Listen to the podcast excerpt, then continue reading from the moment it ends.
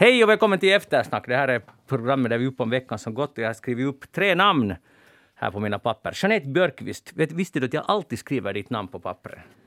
Det är nog jättebra för annars kan det ju hända att du skulle glömma vem jag är. Jo, jag En gång kallade du mig någonting annat. Kommer du ihåg? Du sa någon gång fel namn åt mig. Var det så? Ja, du sa, mitt, du sa något annat efternamn. Björk... Nej, det, var- hade ingenting med alltså Björkqvist att göra. Det var något helt fel. Tänk. Efter 15 år. Det skulle vara intressant analys. Att vem tänkte jag på i det, just i den sekunden? Ja, Det där, Ja. det där, jo, jag hade uppskrift, för jag tänkte så att om jag får en sån här, som hjärnan blir blank plötsligt, så går det bra i radion. så fixar det sig ändå. Och vi har Anders Helenius med oss idag. Välkommen med från Pargas. Tack, det är kul att vara här igen. Hur det där, vad hörs på, från Malmen? No, inte har jag hemskt mycket varit där nu. Jag har faktiskt jobbat ganska mycket här i Helsingfors, så jag har inte varit riktigt och studerat vad läget är på Malmen i Pargas. Ja. Men pu- det är hård puls är det på Malmen. Det är ju alltid, ja. ja. Det, är det där. Vad tror du om nu? Blir det ett nytt hus där på gågatan? Eller har de lagt ner det projektet? Nu måste jag nog säga att du är mera insatt i Pargas lokal, vad heter det, stadsplanering än jag. Vad är, vad är det för hus vi pratar om? Är det inte där... Det, det är så ganska stiligt nytt, alltså modernt. eh, Där i... Ah, det huset Ja. ja, där mitt på, på gågatan. Ja. ja. Jag vet faktiskt inte vad läget är med det. Det såg lite så här futuristiskt ut. Vill ni fortsätta den här diskussionen nu jättelänge? Nej. Vi har Anne Heikkila idag som tekniker. Jag heter Magnus Lundén. Och programmet alltså Eftersnack. Jag höll på att säga fel. Om ni tycker att, att vi låter grumliga är det för att vi har ansiktsmask första gången i studion. Jag drog den just upp över ögonen här. Agnes har det här, alltså, han lider av det här Barack Obama, om ni Ja. minns från den här, den här Joe Bidens ceremoni när, när det var lite svårt för Barack Obama att få den här att hållas. Ja. Så du har lite den här Barack Obamas symptom, den, den glider omkring där nu. Den rör på sig hemskt mycket. Ja. Det, det, jag ska försöka göra mitt bästa. Din näsa vill titta fram liksom hela tiden. Hörni, jag har en uh, solskenshistoria från 1959. Det där jag läste i Svenska Dagbladet. Jag tänkte bara att det är så roligt med människor som går emot det som råder. Eh, det var under, eh, de kallade det för kjolupprop. Upp, uppror. De jobbade på Stockholms telegrafstation. Kvinnor. Och de var, tvingades ha kjolar på sig hela tiden. Och sen det där så... En natt bestämde de att imorgon kommer vi, eller i natt kommer vi med byxor på. Så hela avdelningen, som alla var kvinnor, kom med byxor på. Och då kunde man inte göra någonting, för man kunde inte säga till alla att hej, att ni, ni måste ha kjol. Att så kan det också gå. Och inspirerade, inspirerade dig det här Jeanette till något? Jag läser alltså det här i Svenska Dagbladet. Att jag har- säger så här att jag är Ja. jätteglad att, man, att jag, jag är född i en tid när det inte finns här tvång. Ja. Det är jätteskönt. Eh, Men finns det andra tvång? Nå, in, Inte, inte kan man ju inbilla sig att vi lever i en total frihet nu, eller gör vi det? Nå, det där nu jämfört med, med förr så gör vi ju nog det. Jag menar så där, om man nu tänker till exempel på kvinnors rätt att göra en massa saker så nu, nu är det ju en helt annan värld vi lever i idag. Mm. Anders, lever du där något tvång? Eh, nej, inte skulle jag säga det inte. Men det finns kanske vissa konventioner och, och vad heter det, vanor som man följer som man kanske just med någon sån här revolution skulle kunna bryta. Jag hörde just det var på Yle, mm, vilken, inte Puhe men Yksi. Ykkönen. Ykkönen, ja. Vi bara Ja. profilerar enligt vilka kanaler du kan tänkas lyssna på. ja, exakt! Ja. Vi visste Vi börjar genast. inte ens tänka på Yle X här nu. Nej. Men, men att eh, i alla fall där, de har en kolumnist varje dag Ja. och, och det var en författare här i torsdags och hon pratade om mens. Mm. Och om, om hur liksom när hon var flicka och fick mens första gången och så ville hon gå hem men den manliga läraren tyckte att, att det, vad är det nu, jobba på. Hon hade, dessutom- det hade, hon hade blivit, byxorna var dyblöta och så vidare så det var jätte liksom, jobbigt för henne. Och det var det första gången. Hon ville helt enkelt gå hem och byta kläder.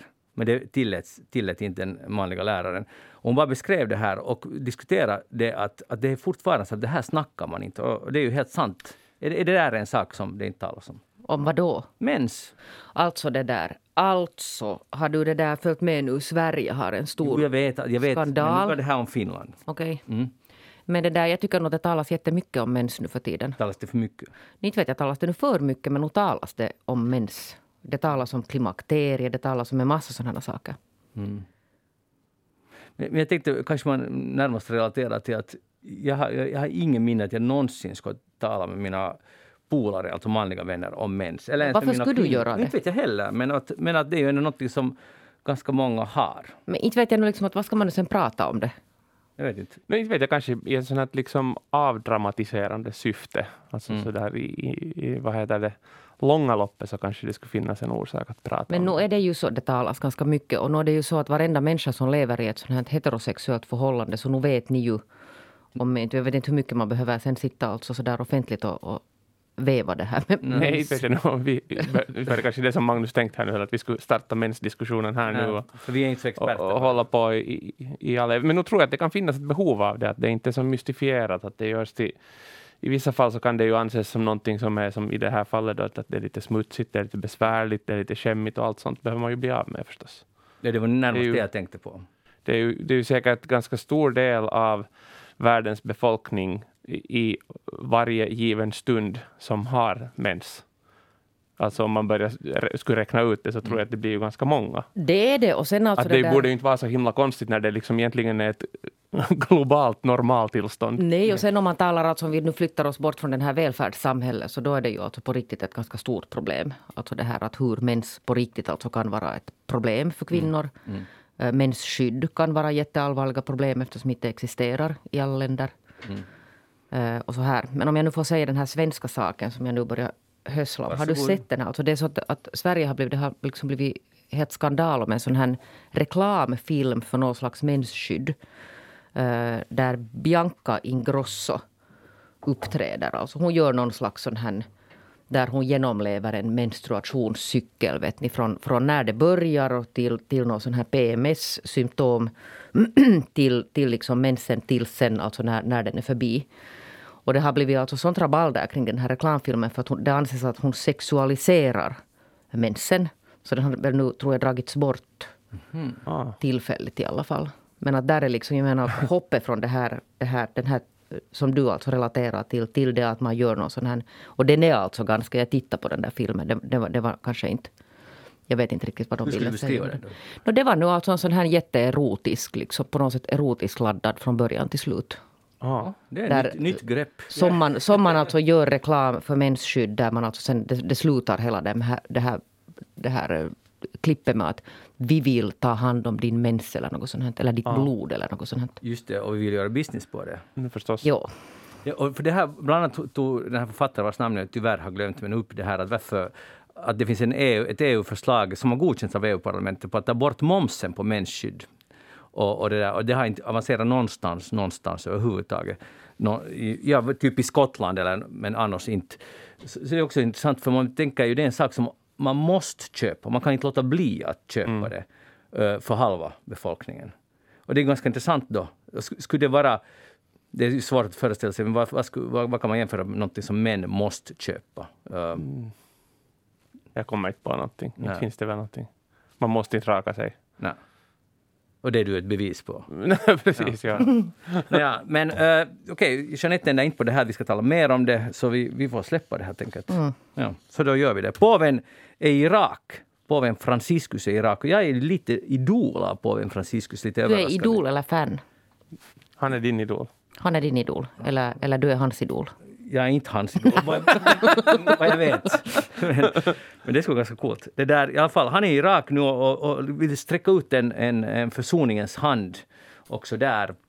Sen ska han naturligtvis besöka uh, den kristna befolkningen som har ju lidit väldigt mycket under Irak och under tidigare regimer där och säkert under nuvarande också. Uh, trösta de som har råkat ut för förföljelser och massakrer och så vidare. Men i alla fall att han har en sån här vision om hur världen ska se ut efter covid-19. Att det ska vara, vi ska ta hand om varandra, vi ska liksom, religioner ska mötas, ekonomiska politiken ska förändras. Allt det här kommer från en från påven. Och jag har liksom vuxit upp i en värld där ni också i och för sig har vuxit upp, där påven har stått för det mest konservativa, mest bromsande som jag kan tänka mig. Jag har liksom haft jättestora problem med, med påven, om man säger så. Men nu ser påven som en sån hopp. Och det kan ju vara att det här är lite en chimär. Att det här, hur ser ni på det? Delar ni alls min den här beundran? Beundran är för starkt ord, för att institutionen är fortfarande extremt konservativ och jobbig, tycker jag. Men den här, det personifieras ett visst hopp i Franciscus.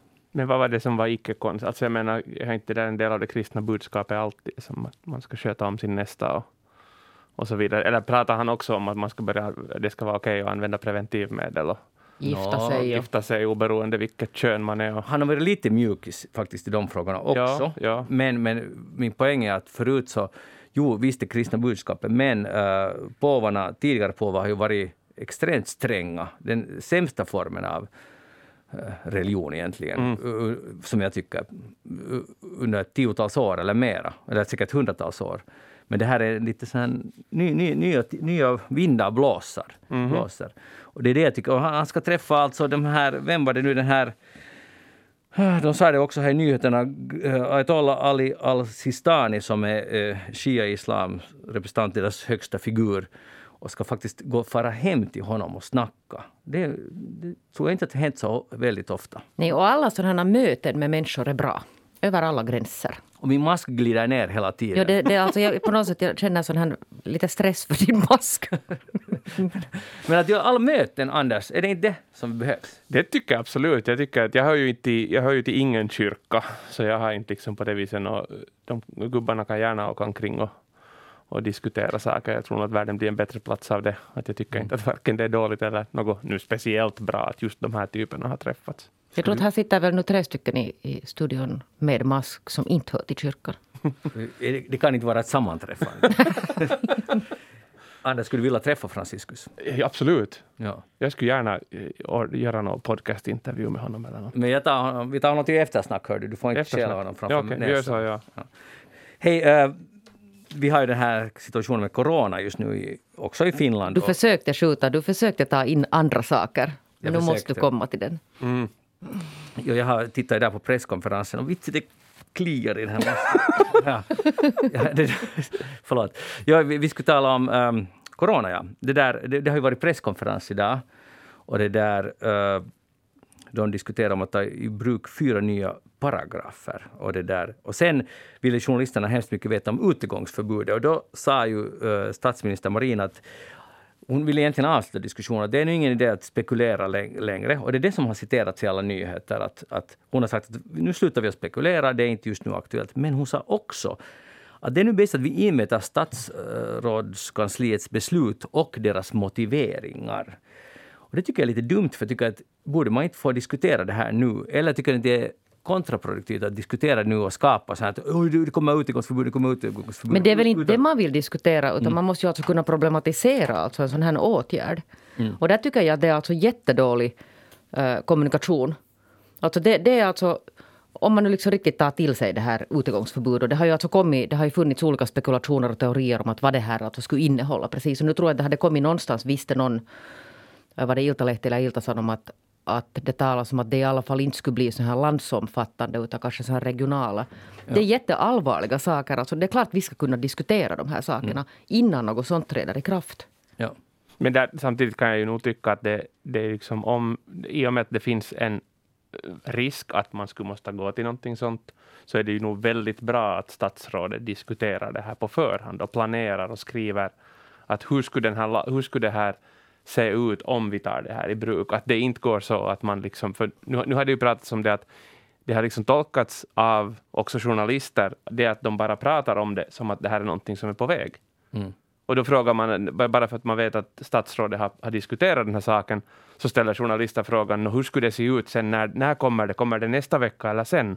Så jag menar, fast inte de har varit hemskt liksom uh, utegångsförbudskåta, om vi får använda det uttrycket. No, du gjorde det. jag gjorde det, den, ja, ja, precis Men av statsrådet alltså. statsrådet, så, så verkar journalisterna vara ivriga på att det här är någonting nu som vi måste få, eller det finns Ja, det behov är ju- av det här. Och bara för att det har diskuterats, så jag kan ju tycka att det är bra att vi förbereder sånt här och att vi inte gör grundlagsvidriga eller, eller liksom Eh, ja, allt för lätt fattar så drastiska beslut. Ja, men det är egentligen inte den diskussionen. Det, det har du helt rätt i, alltså vad du säger. Men alltså det är det att man borde ju utmana hela den här att, att, det nu- att, att varför alltså diskuterar man och varför. Och, och det är ju sånt som man måste kunna diskutera före alltså någon gör någon beredning på någonting. Jag menar man måste kunna parallellt diskutera det här. Och till exempel kanske ifrågasätta, som jag nu alltså gör. Det är väl ingen hemlighet. Jag tycker att det är liksom extremt drastiska åtgärder. Jag tycker det inte finns någonting i läget just nu som skulle motivera utegångsförbud. Men det är alltså väl- i Finland. Men det är väl inte prat om att någonting i läget just nu skulle motivera utegångsförbud heller. Nej. Det har ju varit prat om att om läget blir så att det finns mo- motiv för ett utegångsförbud, hur har- skulle det utegångsförbudet se ut? Och det är ju en annan diskussion. Men det har ju varit lite så här att alltid när de liksom lite börjar titta på någonting Mm. så blir det så. Att liksom att allt som kommer lite så här att, att nu, nu lite utreder så har det alltså lett sen till åtgärder i alla fall. Jo, det är det att, att är det en strategi, är det någon sorts, eh, någon sorts att uh, förbereda folket? Eller- och, och, och så att inte smällen blir för stor. Eller, är det, eller har det bara på riktigt läckt ut? Eller är det journalisternas fel? Eller är det allmänhetens fel? För att du har helt rätt, Anders, att inte har de sagt att nu går vi in för utegångsförbud. Och tvärtom har de sagt att det är inte kanske är aktuellt just nu, men att vi måste förbereda, förbereda oss. Jag tycker också att de måste förbereda sig, men då kommer det automatiskt en diskussion. Och den man kan inte först säga att ehm, vi måste förbereda oss för alla situationer och sen säga att nu måste vi sluta spekulera. Det, det funkar Och inte. för mig alltså, jag upplever den här alltså, att jag vet inte att, att, att är det nu sen så att, att situationen kommer, det är klart att det måste ju omvär, alltså värderas på något sätt då i, i det läget sen när det finns någonting. Men att, att det är lite sådär som att det hänger över det här för att nu träder ju nya bestämmelser i kraft på måndagen. Så det, det här utegångsförbudet på något sätt hängs över allt det här att lyder inte ni nu och gör Ja. som vi vill så då kommer det här utegångsförbudet. men Lite det som kan- att, att man liksom talar till sådana olydiga barn. Och jag tycker att det är liksom en under, ett underligt sätt att förhålla sig Men det har ju delvis att göra med det att det är ungefär det enda som finns kvar.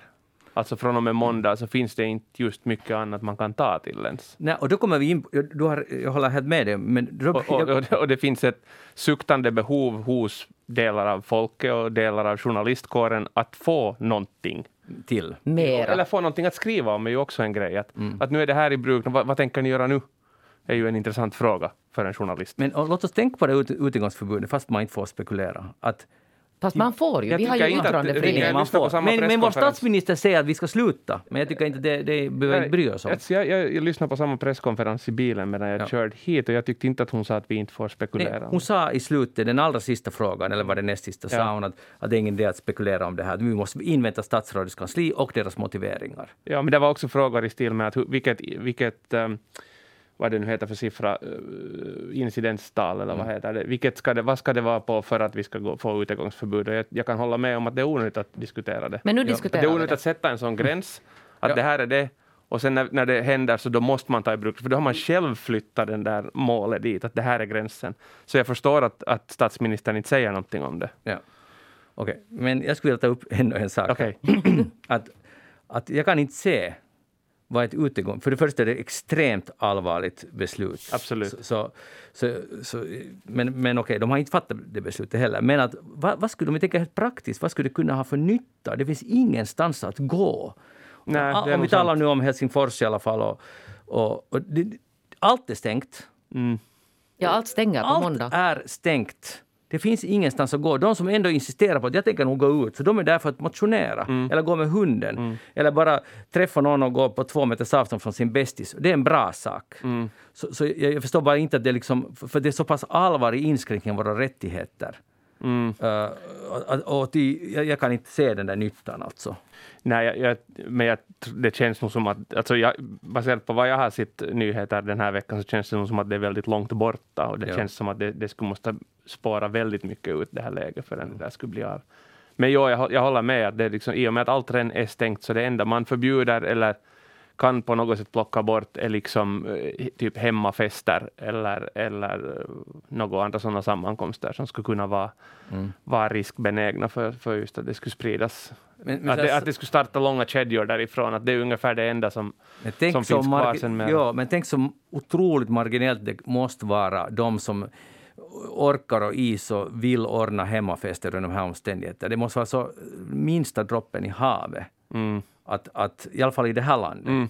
Att det är klart att det finns några typer som kommer att bryta det. Men, Mm. men vi lever inte i en diktatur. Ja, jag vet inte sen heller med hur det har varit. Storbritannien och Belgien har väl kanske varit de länderna i Europa där det har varit striktast regler under den här. Och Frankrike hade nog också Och ganska Frankrike hade också ganska strikta regler. Och jag vet inte, sen nu har de ju fått ner den där, de där eh, smittorna där med, att, med just sådana åtgärder. Och det, det är ju väldigt, eh, liksom, man kan ju känna sig lyckligt lottad som har fått bo här där det inte har Mm. behövt, funnits behov och inte har tagits till sådana åtgärder ännu. I Finland finns det tydligen, och det här är information jag har väntat på, eh, men det dök upp i Hesari. Det är faktiskt första gången jag har läst det här, men i Finland finns det normalt 270 stycken intensivvårdsplatser. Det här är en fakta jag inte känt till och, det, har aldrig skrivits. Jag har just funderat, hur många är det liksom som det finns och hur många ligger där normalt, under normala omständigheter? Och de här är nu alltså 38 eller 39 är coronapatienter. Så det är liksom fakta och det är helt bra att känna till också. Det är liksom proportionerna. Mm. Alltså sa du att det här är antalet plat, platser eller patienter just nu, Det finns eh, sådär tekniskt sett 270 stycken möjliga platser? möjliga potentiella Ja, platser. ja. Eh, och, men det är ju många som behöver annan vård Mm. än corona förstås. Och det där, och, och nu, just nu är 179 av de här platserna upptagna, varav 38 har Ja, corona. precis. det här var onsdagens uppgifter. Mm. Och, och den här siffran, och dödligheten är ju också de där relevanta siffrorna. Dödligheten har inte alls gått upp.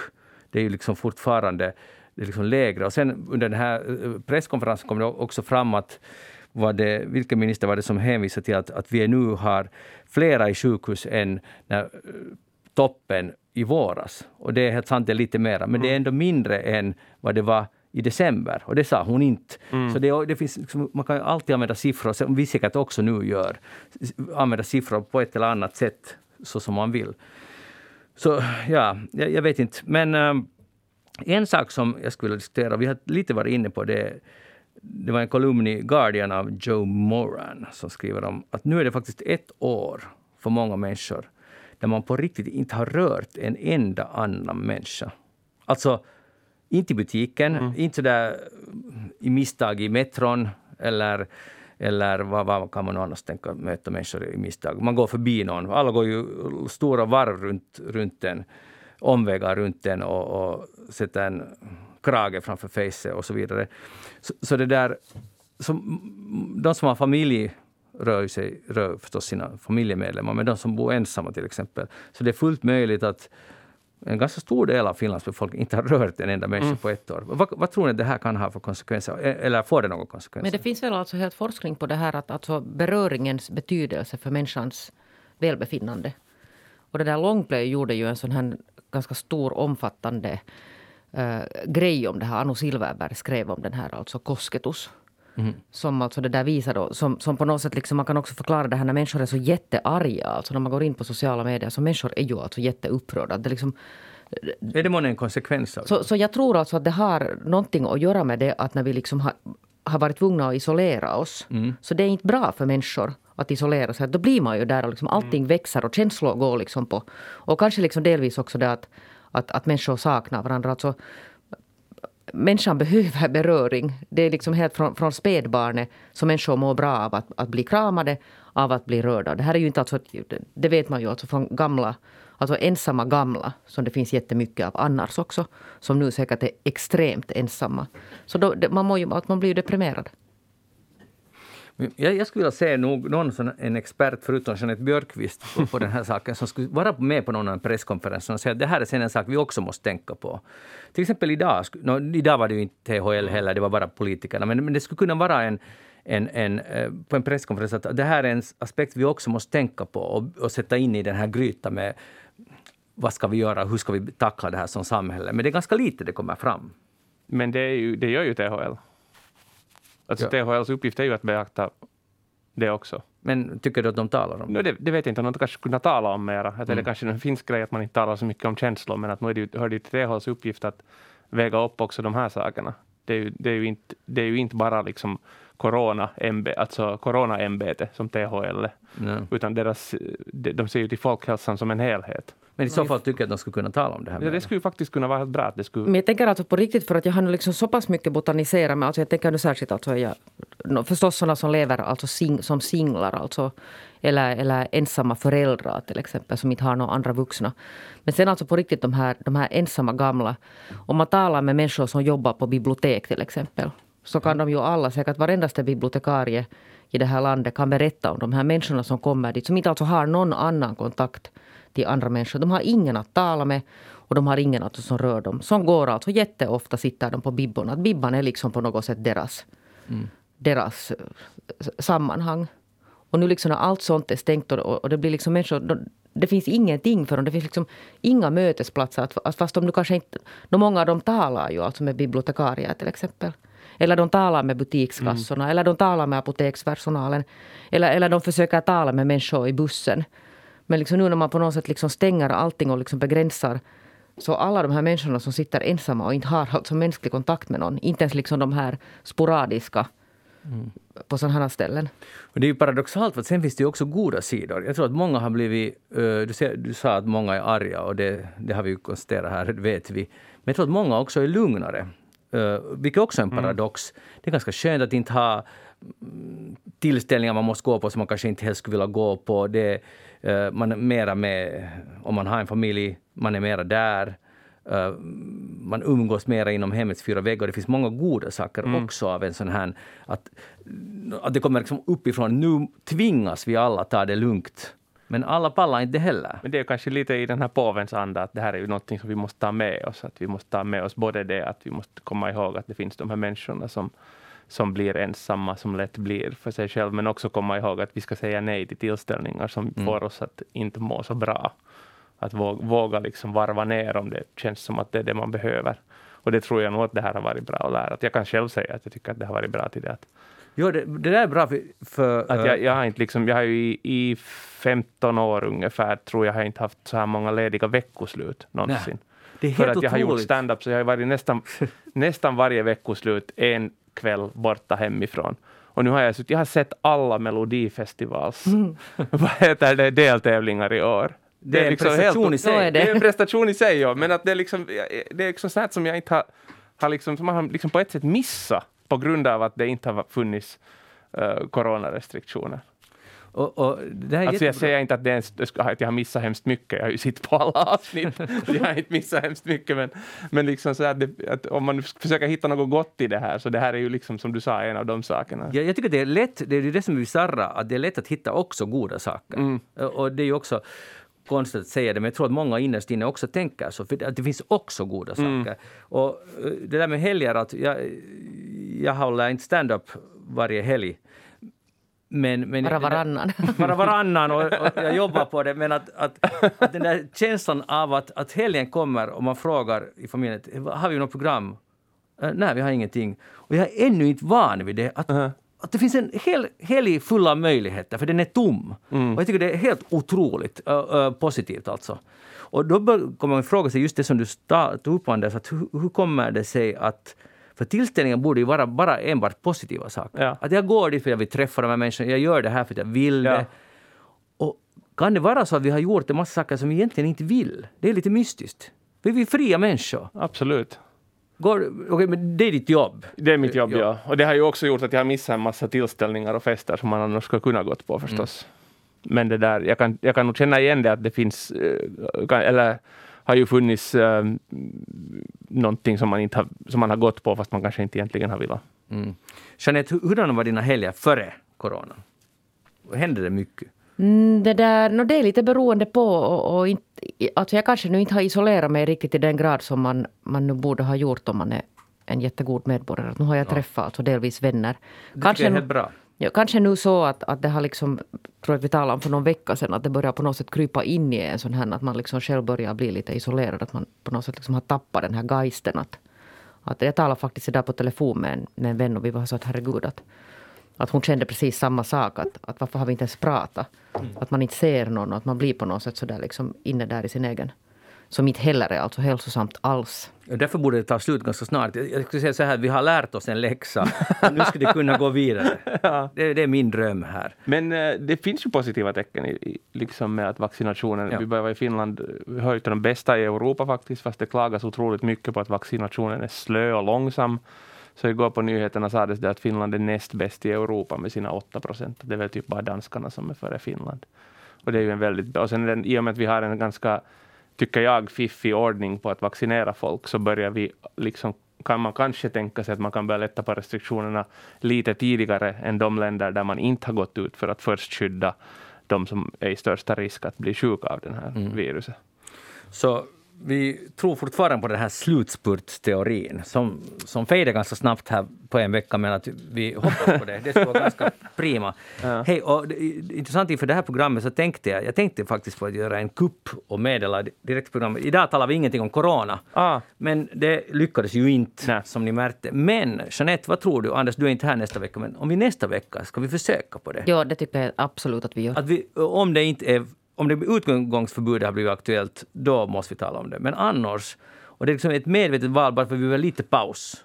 Också lyssnarna. För ja, det kommer håller, nyheterna ja. hela tiden. Jag köper den här lösningen. Okay, vi ser om vi du kan... får 50 cent för den. Får jag? Ja. Jeanette Björkqvist, vad har du tänkt på den här veckan? no, jag hade där egentligen tänkt på, på helt jättejobbiga saker för jag har suttit och klippt en tv-dokumentär men de vill inte ni höra om. Och så tänkte jag att jag måste ju liksom se något, det är ganska mörka, dystra saker som, som avhandlas. Och så sökte jag några goda saker, någonting som man blir glad av.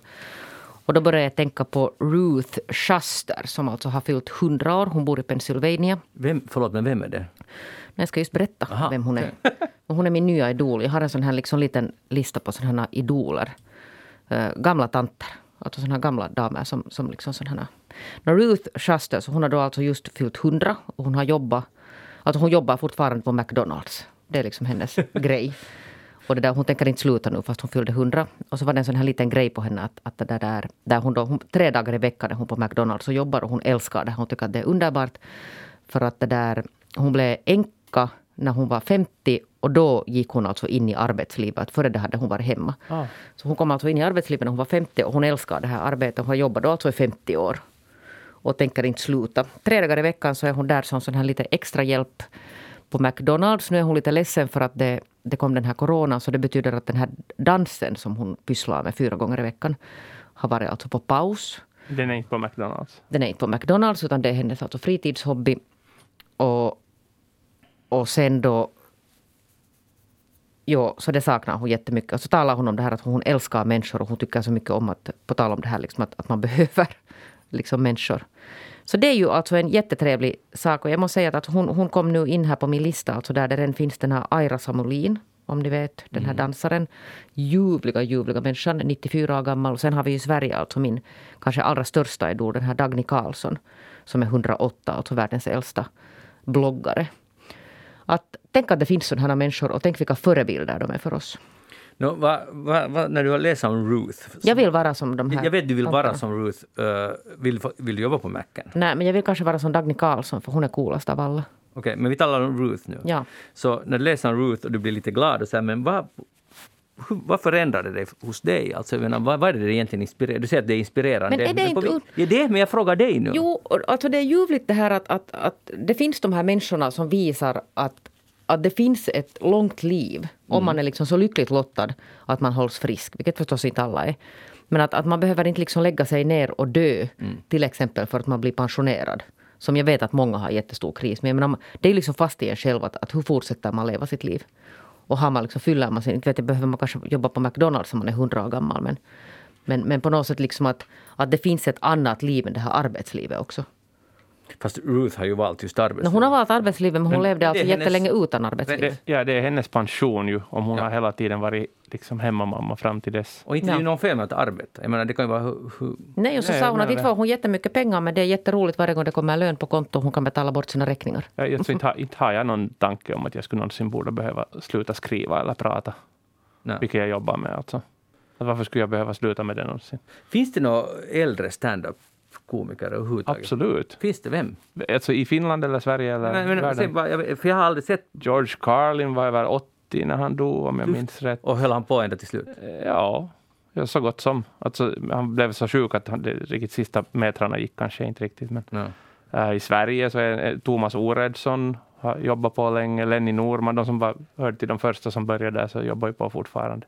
Inte finns det ju någon orsak så länge du kommer upp på scen och andningen fungerar någorlunda och det blir ju en del av din grej sen liksom när, om du blir äldre. Så Men vem skulle, vara liksom, vem skulle vara den äldsta i Finland?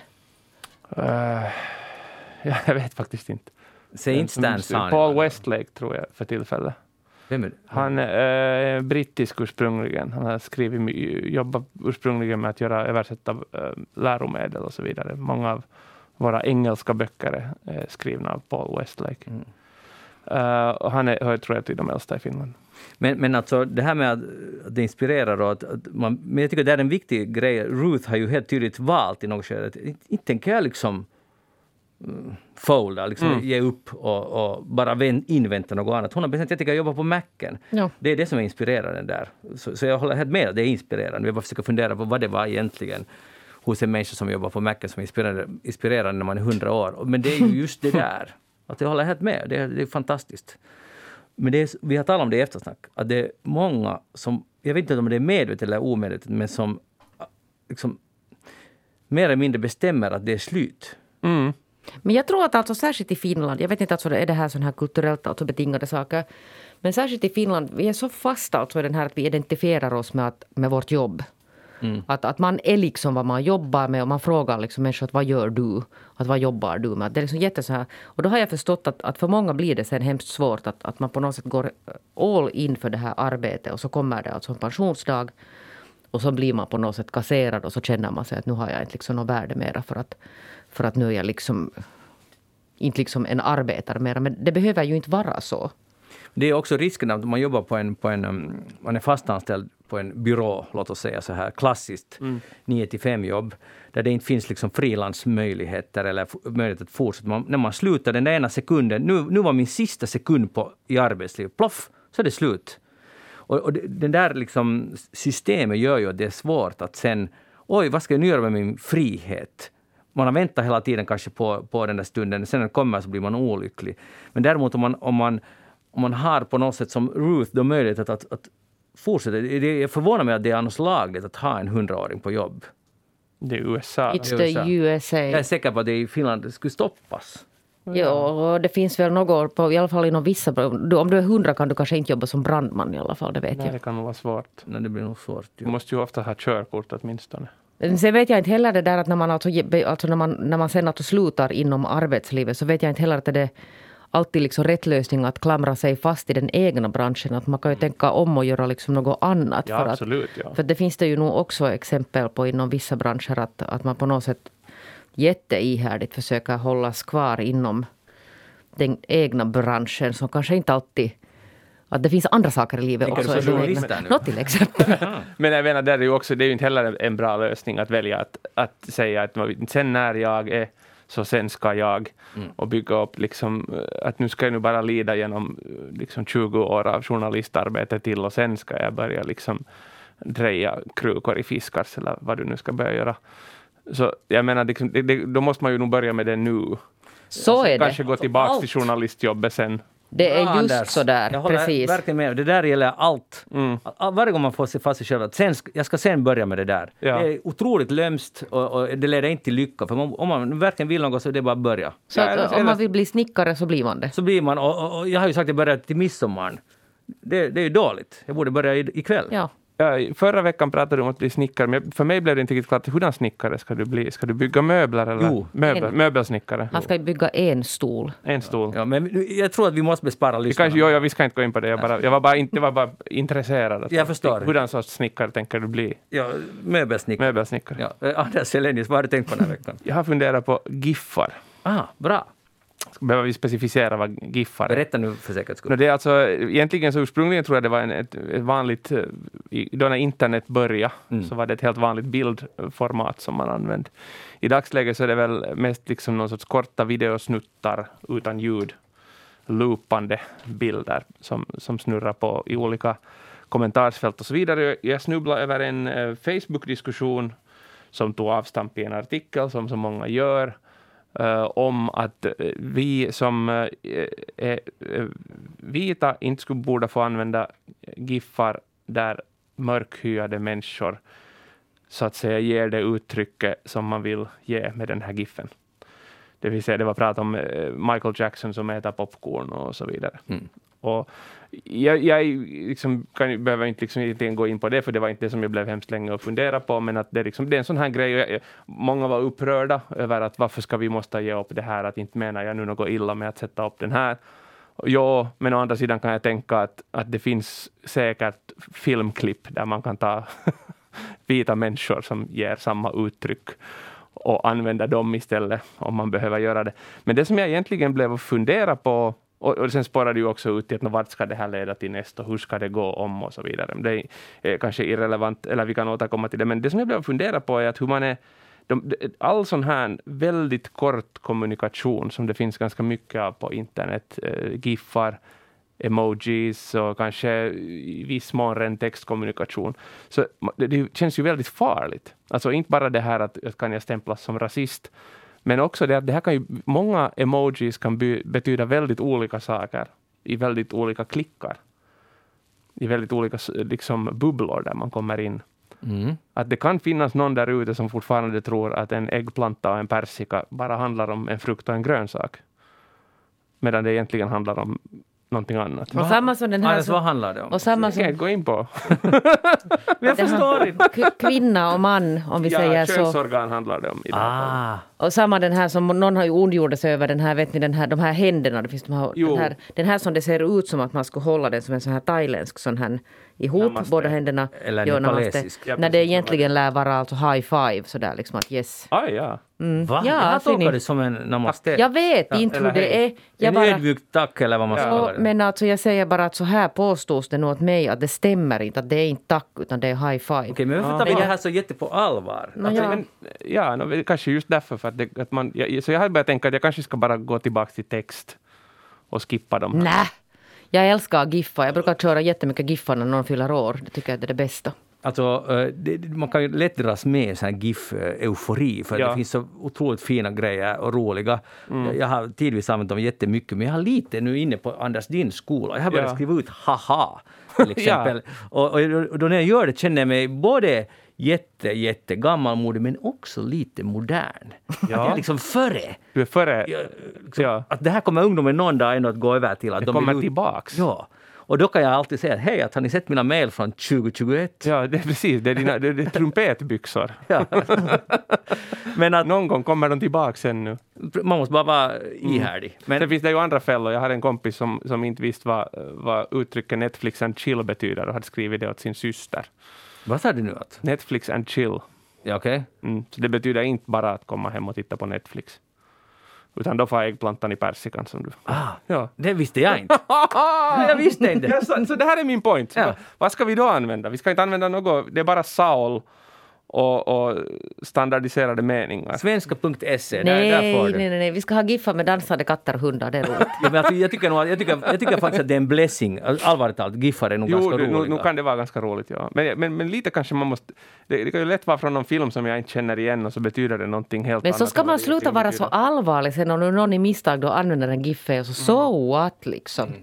Bara kör på och var glada. Och, och speciellt persikor och äggplantor och allt annat. jag ska överväga det här då ännu kanske. Kommer till, men jag gillar nog den här retrotanken också. Jag ska börja skicka eh, kommentarer med skrivmaskin och laminera dem för jag skickar. Jag kan nu, på tal om jag får återkoppla till den här mensen, så det finns alltså ganska roliga mens här giffar också. Finns det? Bara ifall ni inte visste. Aha.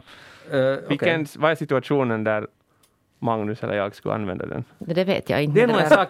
Jag kan säga att jag använder den med min ena kompis. Vi har sån här ganska okay. ilskna, vi har sån här, vår PMS är kanske inte den bästa stadiet av vårt okay. liv. Så.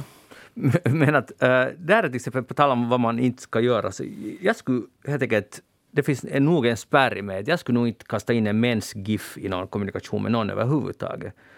Förstår du? Det, men du vet inte hur de ser ut nej, alltså? Men, fast jag inte vet så skulle jag inte göra det. Alltså det är ju inte någon sån här blod som sprutar Nej, jag förstår. Omkring. Det är inte att jag tycker att det, är, att det är äckligt på något sätt. Jag menar bara att, att, det är en värld som jag inte kan på något sätt, jag kan inte liksom, det är fel. Men det, det, det är nästan som namaste, att tänka att jag använder det fast jag inte ens vet vad det egentligen betyder. Ja, om det nu sen är det eller är det ja, high om five? Det är det. We don't know. Så att på det, men det är det här igen, att hur, hur försiktig ska man nu vara? Varför driver, faller den här masken hela tiden ner här i mitt face? Men att, att, att hur, mycket, hur mycket ska man förstå och vara korrekt? No, man kan ju ibland så kan man ju inte veta på förhand vad som är inkorrekt, men sen, sen måste man ju kanske alltid väga upp att hur stor uppoffring är det om det sen då visar sig att man inte ska få använda, eller att någon tar väldigt illa upp för att du använder en viss typs giffar eller emojis. Så hur mycket ger du upp om du bara liksom, hur mycket av dina egna rättigheter så att säga ger du upp om du bara väljer att använda en annan istället? De tar ju inte slut. Och det beror på att det finns ganska mycket populärkultur som har ja, producerats. att riva från, ja. ja. Men uh, okej, okay. uh, eh, bra. Uh, jag tycker att fortsätt, jag, jag, jag, all in all så tycker jag personligen att Giffa har berikat vår kommunikation. Jag försöker jättemycket Magnus. Det har gjort det roligare. Men jag blev fundera på att var använder du giffar? Alltså, du har ju inga... Alltså, du har ju den, Slack! alltså, jag kan, ja, så du, för att jag kan ju aldrig skicka några giffar åt dig eftersom du har en sån här roko gammal telefon från Så på 40-talet. Ja. Att Slack till exempel, är nu, men det har vi också- har jag. Irknet. Va, va, Ja. Just det, precis. På extrem communityn. Ja. Ja. Där Nu Magnus finns det, hänger. Nu finns det platser fortfarande. Också. nu måste jag hitta någon kanal in och börja giffa åt dig. Hör du. Det här ser jag fram emot. Vet vad kan man riktigt använda? Vad använder? Nå, telefoner är det ju ofta man liksom skickar dem Vi har en sån här familjechatt Facebook på Messenger. Discord, heter det så. Whatsapp. Nej, jag, jag, jag kan inte vara på WhatsApp. Nej, du kan ju inte. Men, men på Discord, och där skickar jag vi giffar till varandra. Okej. Men det har slutat med att det endast är min fru och jag som kommun- kommunicerar för att våra barn tycker att vi är så hopplöst dåliga på det här. Det var ju alltså någon sån här ungdom också som sa att med den här hashtaggan det är lite liksom 80s så att säga. Alltså, det är ju sorgliga i att, att sen som alla andra saker när vuxna tar över det så far charmen Mhm. för de yngre. Och jag, jag, jag lider med dem faktiskt. Ja, men jag tycker också att låt nu vuxna ha det roligt också. Vi hade inte det här när vi var unga. Låt oss nu lite tumla om Hej, på eh, Facebook. löper ni ofta? Uh, nej. Löper på vilket sätt? Men så springa? Nej. Ja, inte. No, men ni, Jag, jag, jag brukar prata ibland om att då när jag brukar springa mycket, och nu börjar jag inse att det är nio år sedan. Oho, Det okej. var så länge sedan. Då, då, då hade jag en bra rutin och nu har den inte kommit. Kanske den kommer vart tionde år, att jag, nästa år sen då. Fast man brukar säga att, att människan lever i sjuårscykler så du måste Ah. vänta ännu sex år till då. Eller vad blir det? kvar? 31 tror jag var. Fem år till måste Nej, du. det bör nog vara förra året borde jag ha börjat. Då. Ja, men det gjorde du inte. Nej. Nej. No, men det är först början på året. Men det var inte egentligen löpning jag skulle alls tala om. Det, det går lika bra när man promenerar, men jag kom att tänka på det idag när jag gick på, i, här i solen på en kort morgonspring. Och så, och så, jag var på jättegott humör och, och, och, och mötte människors blickar. Och så kom det en sån här cityperson emot springande som man riktigt såg hur han hade bestämt att han ska inte fan titta någon människa i ögonen. Var det Lyckra? Nå- Lyckradräkten, nå, lite så här- ganska hård och ganska... Alltså jag massa fördomar fick jag av honom bara på basen av utifrån den här ena sekunden jag såg honom. Så jag är ledsen för det om, om du lyssnar på Yle Vega just nu. Men att det där... eh, I alla fall, och han, han blickar stenhårt framåt och den viker inte en, tu, ett tum, en tum. Och, det där, och då tänkte jag att, att för så, här, så där ser jag säkert själv ut ganska ofta. Till exempel när jag springer en promenad. att Jag tittar inte på människor. Men när man är på gott humör i alla fall, i mitt fall, så söker jag den kontakten och lite bara tittar. Och jag vet inte, vad det, jag vet inte egentligen varför och vad syftet är med det. Och sen vet jag inte heller syftet med att man inte tittar någon. Och jag undrar, att, har ni tänkt på det här? Ska man möta blick? Det beror lite på situationen. Ja, men en, det, det är ljust ute. Jo, men om jag är ute och springer så vill jag vara helt för mig själv. Jag skulle inte titta på någon. Men om jag är ute och promenerar så kan jag nog gärna ta sådär kontakt. Liksom. Okej, varför finns den här skillnaden? Därför för att då är jag fo- fokuserad på mitt, på mitt springande. Alltså, alla tider ska man ju göra det. Speciellt om någon tar kontakt, blick, ögonkontakt med, med en. Så det är ju det värsta någon kan göra. Nej, inte det är ju det värsta någon kan göra. Det finns ju folkmord och skit. Men, men alltså det, det finns faktiskt, ja det är ja, sant. det är sant. Men, men alltså, det, jag tycker det är så otroligt oartigt. Jag blir, ibland vill jag bara liksom skrika att hej, de tittar på dig. Nej, om de, jag tittar och, nickar och säger hej och, ingen, och den svarar inte. Så det tycker jag är jättefräckt. Jo, det får man ju inte göra. Men, men nu talar jag om tysta kommunikation. Du, Men det också, att jag, inte ens, jag inte ens nickar, jag bara tittar. Mm. Ska man då möta blicken? Alltså, och vad signalerar man genom att möta och vad signalerar man genom att inte möta blicken? För jag, tycker att det är nämligen relativt, inte kanske aggressivt, så här passivt aggressivt att inte alls titta tillbaka. Men egentligen, varför är det så? För att jag menar, det är ju, vi känner inte varandra. Jag bara, det är en, en tiondels sekund man tittar på varandra. Jag tycker att du är lite överkänslig här. nu. Jo, men jag försöker analysera det här Jo, överkänsligt. men nu har du, så- jo, men det är det här corona nu. Vet du. du har inte fått tillräckligt mycket beröring. Ja. Att, att nu går de omkring och tycker liksom, det, det, liksom, det här finns något så här latent nu inom dig som du behöver jobba med. Mhm. För att det där, du kan ju bli upprörd över en främmande människa som är ute fokuserat och, och idrottar, gör sin Serat. fokuserat, alltså sin idrottsprestation som man vill vara själv i den här och inte vill liksom titta. Jo, men Så så du jag- vet ju att, det, är- att, att löpa är, är liksom i princip samma som att gå, men snabbare. Det är bara ett Jo. kontrollerat fall. Man Jo, behöver men inte om vara så vill- koncentrerad för Men att jag göra har till det. exempel när jag far, om jag far och springer, Ja. eller liksom, om jag far en sån här powerwalk så att säga, att inte bara en sån här vanlig trevlig En prestation, ja. ja. en prestationspromenad, så har jag alltså på sådana här hörlurar och jag är extremt alltså sån här Ja. insluten i mig själv. Du är just en sån jag inte skulle vilja Ja, du är just exakt. Men, men, varför, men varför skulle jag vilja gå liksom omkring eller springa omkring där i min liksom prestation och vet du, sådär lite artigt nicka åt en massa människor? behöver du nicka åt mig. Nå, vad vill du att jag ska Titta inte på dig? Jag lovar, du behöver inte ens titta liksom att det där är nog en bra typ. Du ska bara möta min blick. Nej men vet du, nu För måste vi alla en, alla är i samma värde vi, i det här tillsammans och vi är du- vi alla ett. Jo, nu har du något, det är något corona vet du, symptom det här. Nu, du, du ska du ta mina argument på allvar. Nej. Och jag måste vända mig till Anders istället. Ja. Eh, så, så och, om du är ute och går, vi tar nu Ja, gå. gå, ja. Så, det kommer någon emot Men det var dig. inte gående nu, det var springande. No, jo, jo, men just den här typen med de här hör, enorma hörlurarna och allt på. Så jag tycker bara det är lite ledsamt för det, det är så att man har helt fjärmat sig ifrån. Jag förstår att det är roligt att lyssna på musik. Det är bara ser. Jag, jag, jag tolkar det som att man slutar in sig i ett skal och det är varje människas fulla rätt att göra det.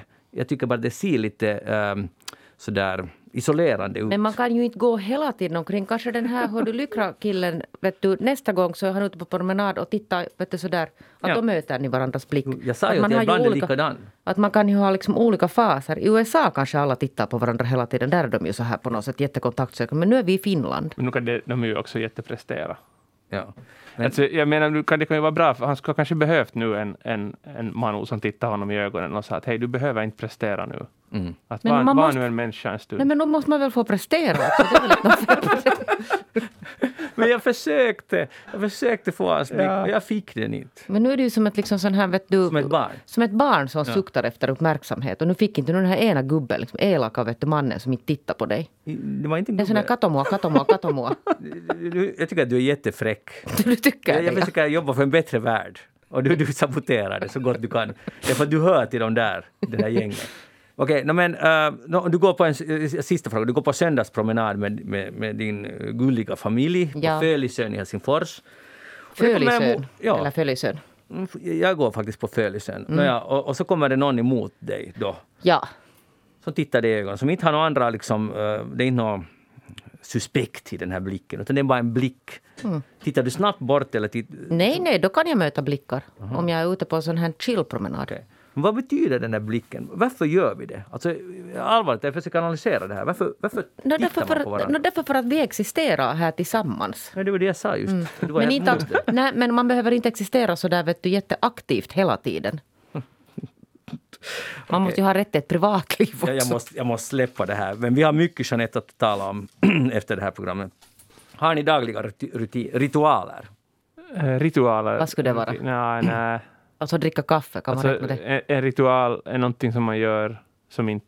Vad är skillnaden på ritual och rutin i det här fallet? Uh, no, ritualer kanske, är- låt oss säga, de tog som exempel i artikeln att man nu ska jag koka en, koka en kopp te. Och så gör man det på ett visst jätteutstuderat precis, ja. sätt. Att man kling, slår den här tepåsen tre gånger i Mhm. muggkanten och sen spänner man åt den eller drar ut den på ett visst sätt. Och, och, och, Det låter som tvångssyndrom. ja, men man kan kalla det tvångssyndrom. men- Ja, ja, eller sä- säger alltid no mantra på morgonen när man vaknar Ja. eller sträcker ut sig på ett visst sätt. Då. Ja, och, och, och, för, nu, för nu forskningen säger att nu under corona är det extra viktigt med ritualer. Ritualer och inte rutiner. ritualer har jag, eller låt oss slash rutin. Nej, alltså rutiner sen tycker jag att man har rutiner. Jag äter klockan tre, jag går och Ja. sover klockan 22. Men det här är ritualer, en daglig ritual att jag gör så här när jag dricker min, min tekopp. Okej?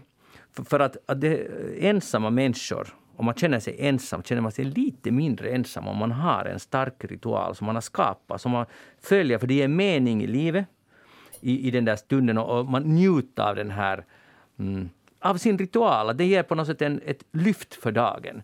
Och jag började fundera på det här, för jag har nämligen börjat göra lite ritual av, av, mitt, av min frukost. Jag har gjort en ut, otroligt utstuderad och ibland på morgonen när jag vaknar, jag, åh, för det, kommer, det tar kanske fyra fem minuter att tillreda den här frukosten. Förut så gjorde jag det på tio sekunder, alltså att tillreda den. Nu är det en massa olika ingredienser. Och det, är jätte, faktiskt, det är en utstuderad ritual och den gör Ja. mig lycklig. Har ni något sånt? Nej, men det låter nog bra. Vill, vi, ska jag berätta receptet? Du skulle kunna. Ja, först lingon. Efter sändningen. Ja. det var så fräckt. Jag sparar våra lyssnare. Ja, Okej, okej, det, var, det var i, och för sig hyggligt. Men, men lyssna. Men lingon är bra. Det är lingon som bas. Lingon, det börjar med lingon. Ja, men att det man vill så göra mycket det, mera, det är så mycket mera. Jag, jag kan inte hålla mig. Jeanette, har sätt du det på Facebook. Ja, jag ska sen. göra det. Ja. Jeanette, har du något annat än lingon i ditt liv? Det där, jag kan nog nu tyvärr, jag är lite sån här kaos alltså. Men då, då är du just den som skulle behöva det här. Nej, jag behöver inte alls. Jag mår alldeles bra utan några ritualer och rutiner. Men jag dricker kaffe jättemycket varje morgon. Jättemycket. Kopiösa mängder. Massor. Okej. Men det är inte liksom någon ritual eller, och, och jag gör inte på ett speciellt sätt utan det är nu lite hur det går. Mm. Med mycket och med känsla, kaffepulver, starkt. Du är lite motsträvig idag. Ja. jag har inte fått tillräckligt med beröring. Nej, det är nog helt tydligt. Det. Ja, och det, det, det, det är rätt åt det. Och någon tittar på dig när du var ute och joggade. Ja. Just det, stirra. Jättekränkande att någon kollar på henne. Det där, hej, eh, känner ni ibland att ni inte är tillräckligt smarta? Men ganska ofta. Ibland, ja. Kanske Men jag dag. på riktigt att, att, att ni Ja. tänker att jag är inte fiffig nog. Ja, ja, verkligen. Nej. Jag, Inte. jag, eller, nej, jag, jag tror inte att det är...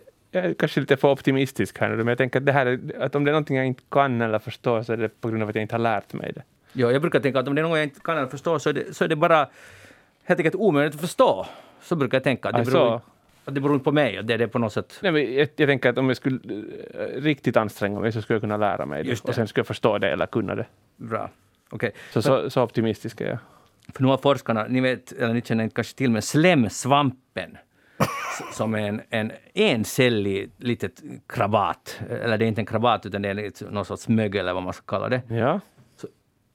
Den har ingen nervsystem, det finns ingen hjärna i slemsvampen, men ändå lär den sig saker. Och när jag läste det här så blev jag ganska imponerad. Den liksom minns hur man hittar mera check åt sig själv. Och den liksom vänder sig ditåt. Och det egentligen borde det vara helt omöjligt. För den har ingen, det finns ingenting att memorera. Det finns ingen plats att sätta det där minnet. Och ändå funkar det. Och då tänkte jag att, att om man nästa gång man tänker att man själv inte är nog så måste man tänka på slemsvampen som fixar det utan brain. Och vi har ändå fått den gärna. Jeanette, Så man ska känna sig sen ännu dummare än en, en nej, slemsvamp. nu, nu ska du se, tänka posi- positivt att om slemsvampen fixar det Så fixar vi det. Ja, så du har en hjärna ändå. Men tänk om det finns andra saker än vår hjärna som styr. Tänk om vi också är lite som små slemsvampar egentligen. Ja. Att det finns någonting som styr oss också som inte har någonting med vår hjärna att göra. Alltså nu pratar jag inte om något liksom övernaturligt utan liksom lite slems, slemsvamp-style. Precis. Och det, och det, det tycker jag är hoppingivande, att det finns något annat än vår hjärna. Jeanette Björkqvist, tack för att du var med i Eftersnack idag. Det var härligt som vanligt. Anders Elenius, tack för att du var här. Tack. Jag heter Magnus Lundén. Programmet är alltså Eftersnack. Vi är tillbaka genom en vecka. Ni kan e-posta oss på eftersnacksnabelayle.fi eller gå in på facebook.com eftersnack. Vi hörs igen. Ha det bra. Hej då!